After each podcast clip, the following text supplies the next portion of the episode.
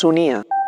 El 1986, l'Ajuntament de Barcelona, amb Pasqual Maragall al capdavant, va encarregar a l'arquitecte nord-americà Richard Meyer la construcció de la seu del nou Museu d'Art Contemporani de Barcelona, el MACBA. El despatx Richard Meyer Partners de Nova York es va associar aleshores amb els arquitectes locals Fernando Ramos, Antoni Caballero, Isabel Bax i José Colomer per treballar conjuntament en el projecte. El procés de construcció de l'edifici va tenir lloc del 1990 fins al 1995. Durant aquests anys van germinar entre els diferents col·lectius ciutadans una infinitat d'expectatives que anaven de l'entusiasme al rebuig absolut, passant per la curiositat i la reticència. El MACBA es va inaugurar públicament el 28 de novembre de 1995. Des d'aquell moment s'ha fet un llarg camí en el qual la gestació d'un projecte museogràfic propi ha evolucionat en paral·lel al desenvolupament d'un model arquitectònic en contínua interacció amb les obres d'art que conté – i amb els habitants i visitants del barri del Raval. Sonia revisa amb Isabel Bax, responsable d'arquitectura del MACBA, els inicis del projecte arquitectònic del museu, les seves repercussions urbanes i ciutadanes, les seves particularitats estilístiques, així com algunes de les exposicions més significatives.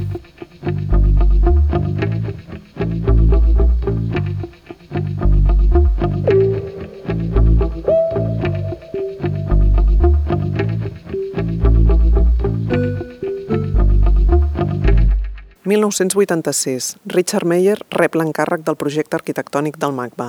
Situant-nos en l'època en què va començar el projecte del MACBA, va ser l'any 88-89, formava part de l'entorn dels projectes olímpics. Es va allargar per motius diversos, entre ells doncs, la durada de la construcció, l'elaboració de dues fases, i es va desenganxar una mica dels projectes olímpics, però hem d'entendre una mica l'entorn en el que es va produir. Un entorn en el que el paper dels arquitectes a Barcelona, des dels llocs de decisió de la ciutat fins als llocs d'execució més directament relacionada amb la pràctica habitual de l'arquitectura, era molt present. Això per un costat, i és obvi que el col·lectiu d'arquitectes tenia una presència important a la ciutat. El fet, en un principi, el fet d'encomanar un projecte tan emblemàtic com era el Museu d'Art Contemporani, triant directament l'arquitecte i triant-lo fora de l'esfera dels arquitectes del país, va generar una sèrie de susceptibilitats en la classe, diguéssim, professional d'aquí. Alguna d'ella era, diguéssim, externa o llunyana i algunes altres eren properes i van ser no tant per la reticència de que fos estranger, no era, no era aquest el tema, però sí en la delimitació dels límits d'actuació. Hem de pensar que en aquella època doncs, hi havia en marxa el projecte del Convent dels Àngels, que s'havia iniciat el 84, i començava a realitzar-se el projecte i l'obra del CCCB, de lo que seria després el CCCB, la restauració de la Casa de la Caritat i, bueno, finalment el seu entorn proper. Doncs en la definició d'aquests límits va ser on es van produir discussions que van ser resoltes de fins on arribaven els llapisos de cadascun dels arquitectes que els tenien en l'aire en aquell moment.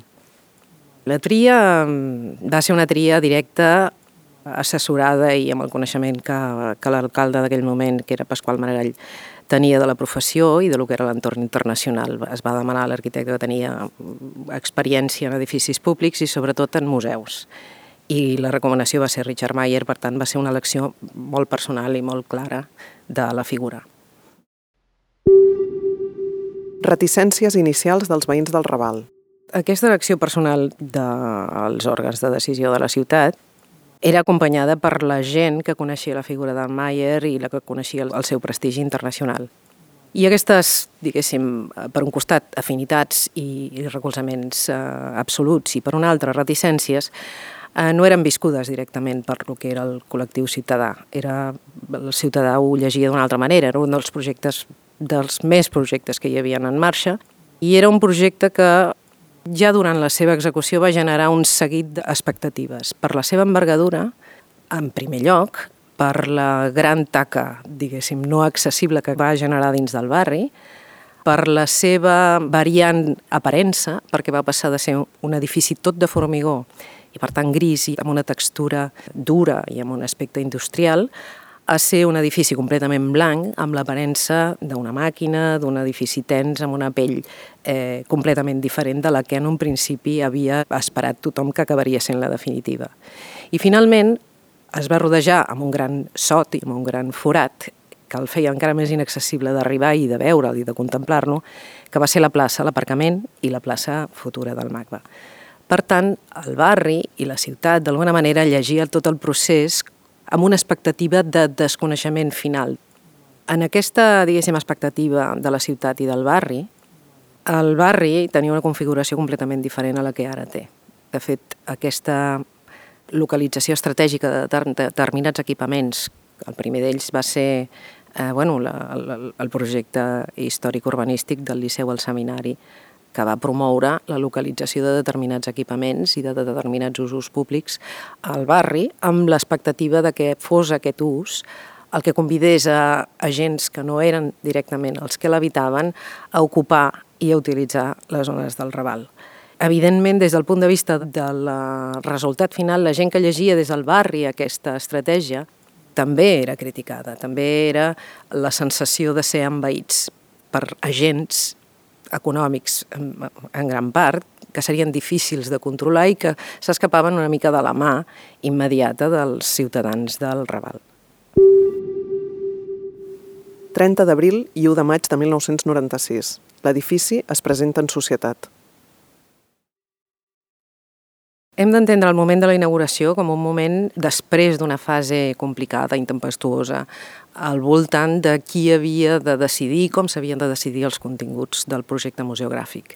Va haver-hi una època, diguéssim, d'ebullició, de canvis i de propostes diferents en les que havia preparat un terreny d'expectatives eh, a tots nivells. Això va fer que, quan es va finalitzar l'obra, eh, es va decidir que s'obriria el museu eh, perquè tots els habitants que estessin interessats en visitar l'interior de l'edifici ho poguessin fer. Per una part això i per una altra part era una manera de donar a conèixer algo que encara romandria tancat, perquè es va trigar eh, no un any, però potser nou mesos, entre que el museu, l'obra havia acabat i el museu finalment va tenir quallat el projecte museogràfic i finalment l'ocupació dels interiors. En aquesta decisió, en principi prevista per un dia, es va tenir que allargar dos dies a causa de l'èxit i, i l'afluència de gent que va provocar aquesta crida. La plaça estava, ja és curiós haver revisar les fotografies antigues, veure les cues enormes, llarguíssimes, que travessaven tota la plaça i que s'endinsaven pels carrerons esperant poder entrar i veure finalment el museu que havia estat durant tant de temps ocult. Mirades sobre el museu, 1996. Un primer diàleg entre art i arquitectura. Una de les primeres eh, exposicions que es va proposar des de col·lecció en el museu va tenir l'objectiu clar de convidar bastants artistes, no sé si eren 17 o 18, a treballar amb l'arquitectura. A vegades, i evident, quan es va fer aquesta oferta hi, va, hi van haver-hi artistes que van treballar amb l'arquitectura i artistes que van treballar en contra de l'arquitectura. Però el resultat o l'evidència era que l'element principal sobre el que reflexionar era algo que ja estava fet i que era a l'edifici. El resultat va ser variadíssim, des de forats eh, a la façana que deixava mostrar els seus interiors, a un pont que travessava de les façanes del Raval en el carrer, en les traceres del carrer Joaquim Costa i entraven a dins el museu per fer un recorregut insòlid des del parri fins a l'edifici, una peça que travessava parets i travessava vidres i que s'endinsava i quedava a dins l'espai actual de la torre. En fi, va donar de si com per reflexionar justament sobre l'espai arquitectònic i la relació que té el contenidor amb el contingut. Fabricacions, 1998. Els ciutadans ocupen la plaça. El punt d'inflexió respecte de l'exterior, que és un altre món completament diferent, es va produir a, motiu d'una exposició que amb el nom de Fabricacions va convidar diversos equips d'arquitectura a fer instal·lacions i a fer propostes al voltant de l'edifici des de la plaça.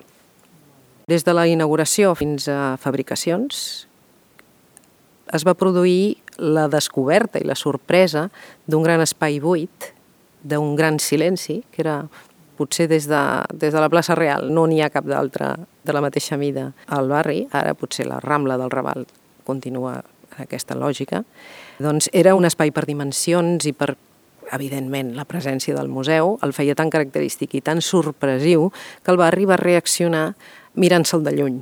L'espai romania buit la major part del dia i només donava sentit a que la gent l'utilitzés en moments puntuals relacionats amb l'ús d'edificis concrets, com el de l'escola Vedruna, que està en una de les façanes.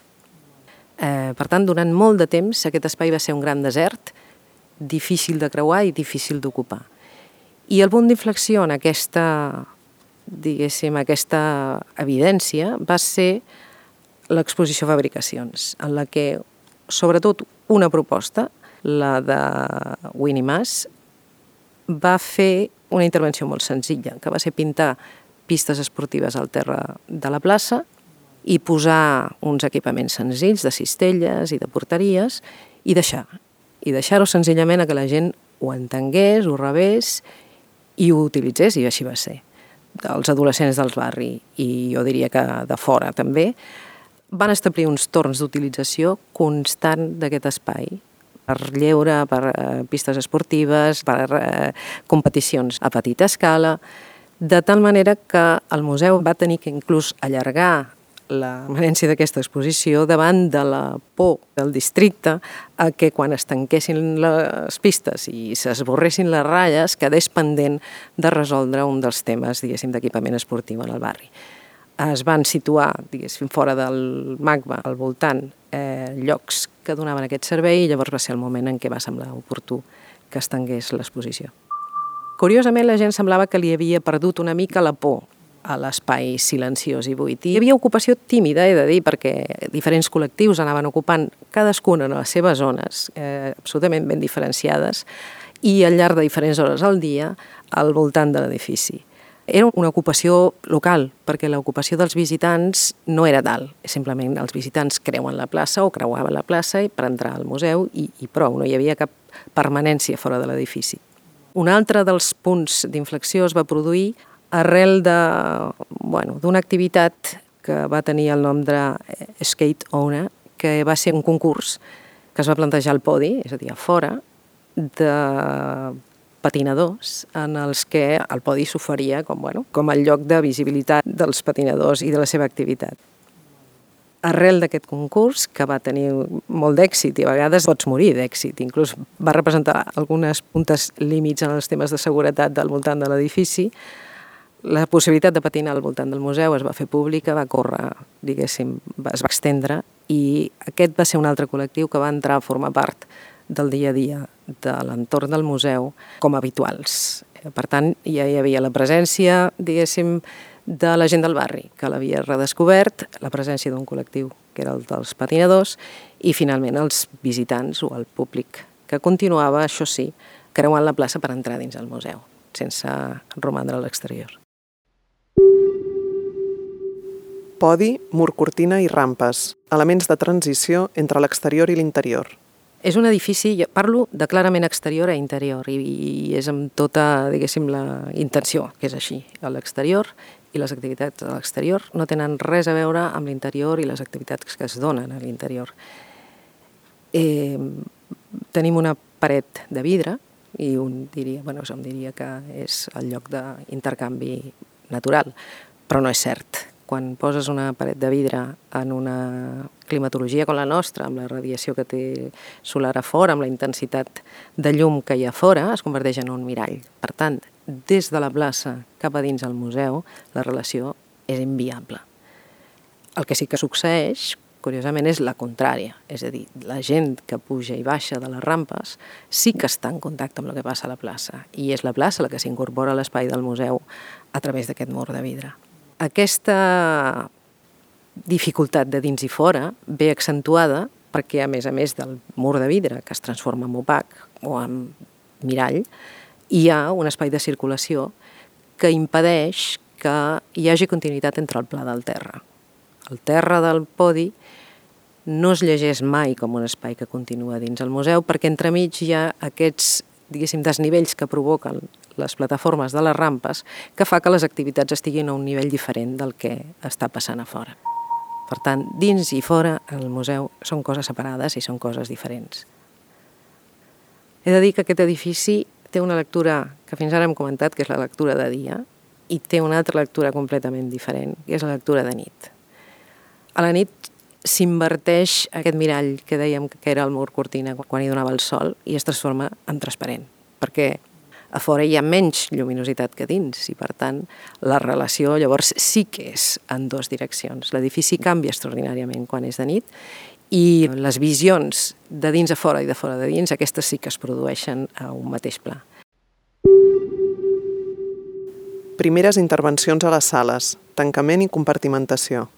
La proposta dels espais contemplava, per un costat, galeries mitjanes, que són les circulars, la que corresponen a la part superior del hall, galeries de tamany o de mida petita, com el de la torre, i després un gran espai central que no estava subdividit, que és el que queda just davant de l'espai de l'atri i de les rampes, que en un principi estava completament comunicat amb aquest espai d'atri i de rampes i que no tenia compartimentació a l'espera de que quallés eh, la concreció d'una exposició definida.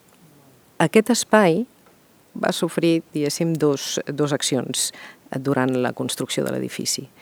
La primera d'elles va ser la de la connexió sobtada amb tota una aportació de llum natural inicialment no prevista. Richard Mayer va venir durant la construcció de l'edifici diverses ocasions. I en una d'elles l'espai de la rampa ja estava format, l'estructura de la rampa ja estava plantejada i es començava a revestir. Inicialment, les dos trams de rampa, el mur que separa els dos trams de rampa, era un mur pràcticament opac, un mur tancat que separava dos, dos zones. Una zona d'accés a una plataforma intermitja que estava completament relacionada amb la plaça i una altra zona més oculta, més tancada, que formava part de l'espai interior. Richard Mayer va veure que quan aquell mur estava només en la fase d'estructura i va prendre una decisió, jo crec que en la línia de millorar l'espai i d'establir vincles que ara funcionen molt bé, com és el de dins cap en fora, i va decidir no tancar aquell mur, deixar-lo obert i, bueno, i que l'edifici sigui el que ara veiem que és finalment un atri, que ja no és tan vertical com hagués estat amb un mur tancat, sinó que s'obre cap a l'espai de la llum i cap a l'espai de la plaça, i a fi de comptes un espai de circulació que quasi bé té característiques urbanes, perquè està des de dins pràcticament fora. Aquesta situació va provocar un seguit de qüestions afegides, que va ser l'entrada indiscriminada de la llum ja no en l'espai aquest intermig, sinó a les galeries, perquè estaven molt obertes respecte d'aquest espai. I, evidentment, un altre desajust que va ser, diguéssim, de temperatura i humitat, que calia controlar d'una manera òbvia. Aquest va ser el primer de les accions a emprendre en l'edifici. Va ser, a fi de comptes, resoldre que aquell espai d'atri, que és l'espai que ara ocupen les rampes, era un espai semi, era un espai intermig. No diria que semi-exterior, però quasi bé, en condicions no òptimes de temperatura i humitat i no òptimes de radiació solar.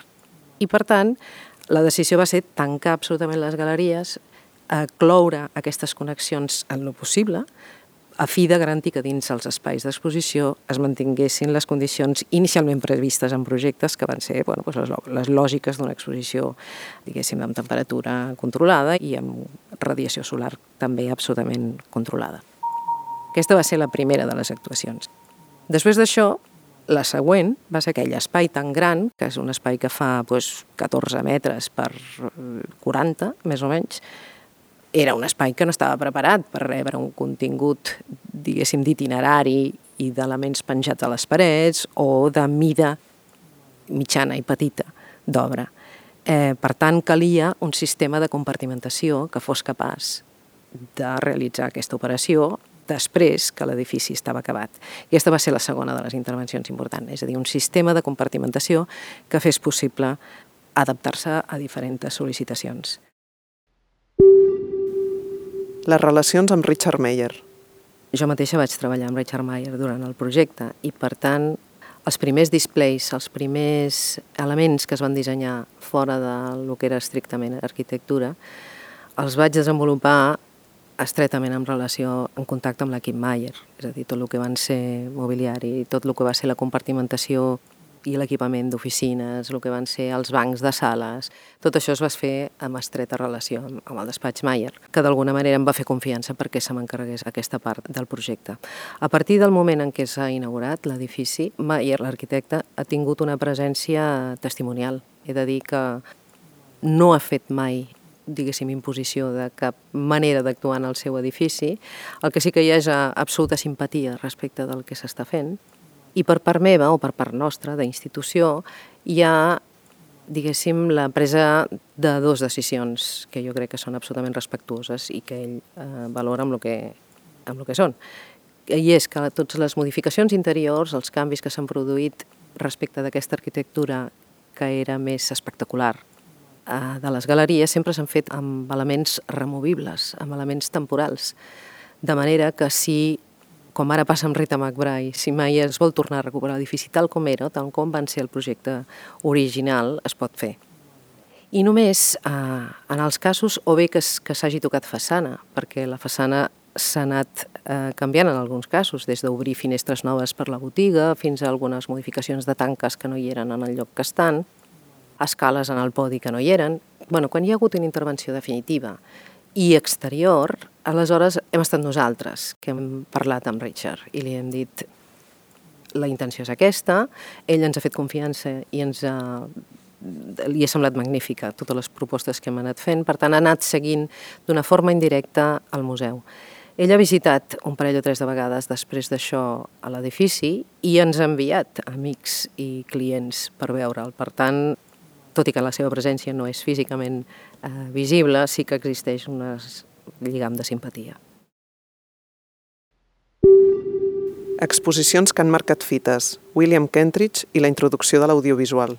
Hi ha hagut un seguit d'exposicions que han marcat com un seguit de fites alhora, d'accions diferents. Ja he comentat, diguéssim, aquest interès sobre trebar contingut i recorregut, que això ha estat un dels eh, temes fonamentals de la feina durant tots els anys, però si estem seguint aquestes fites, la següent exposició que marca un punt d'inflexió és William Kenridge.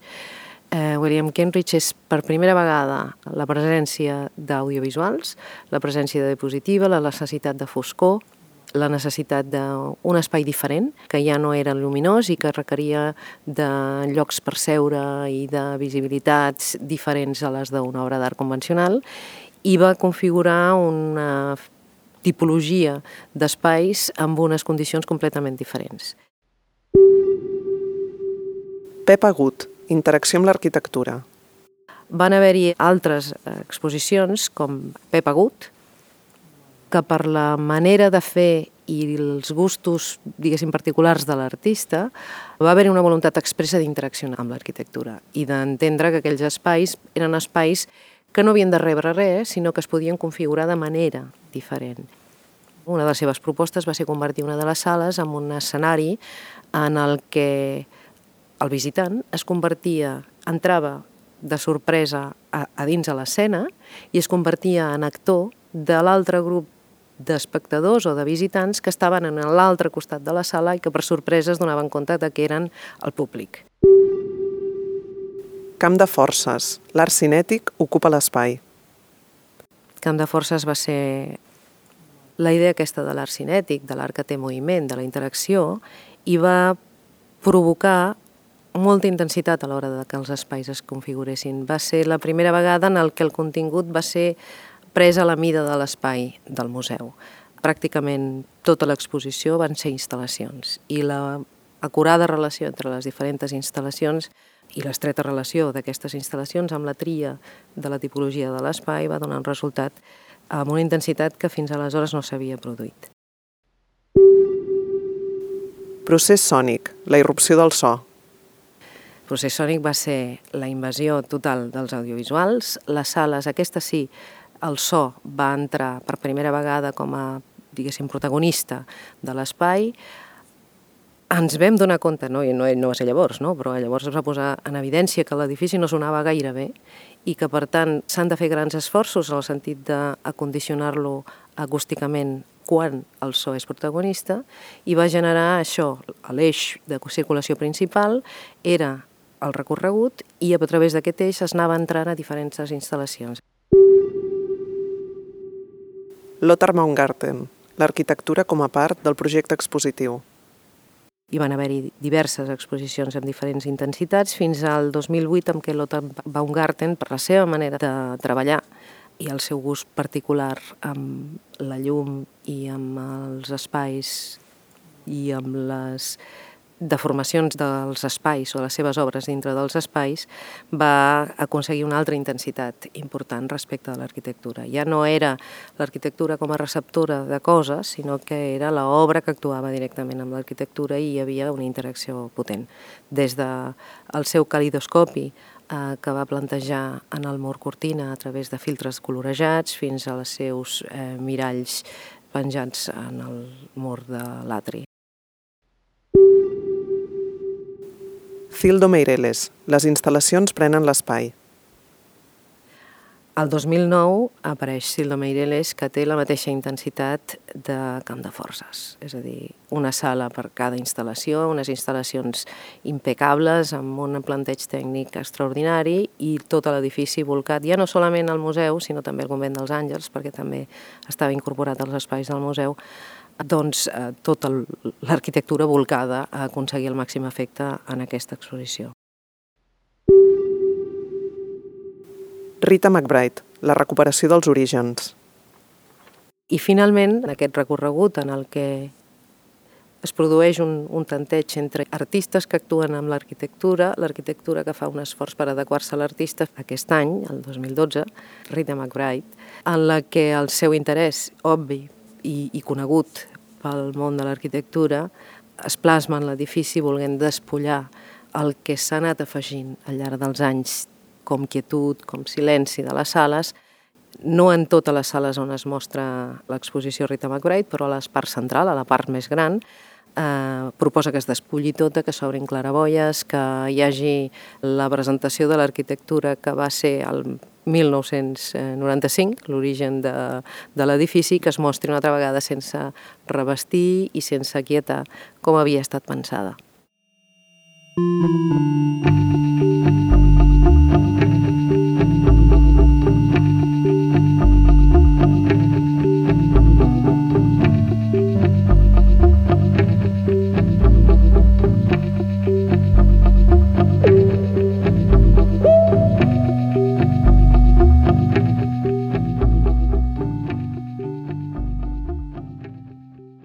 macba.cat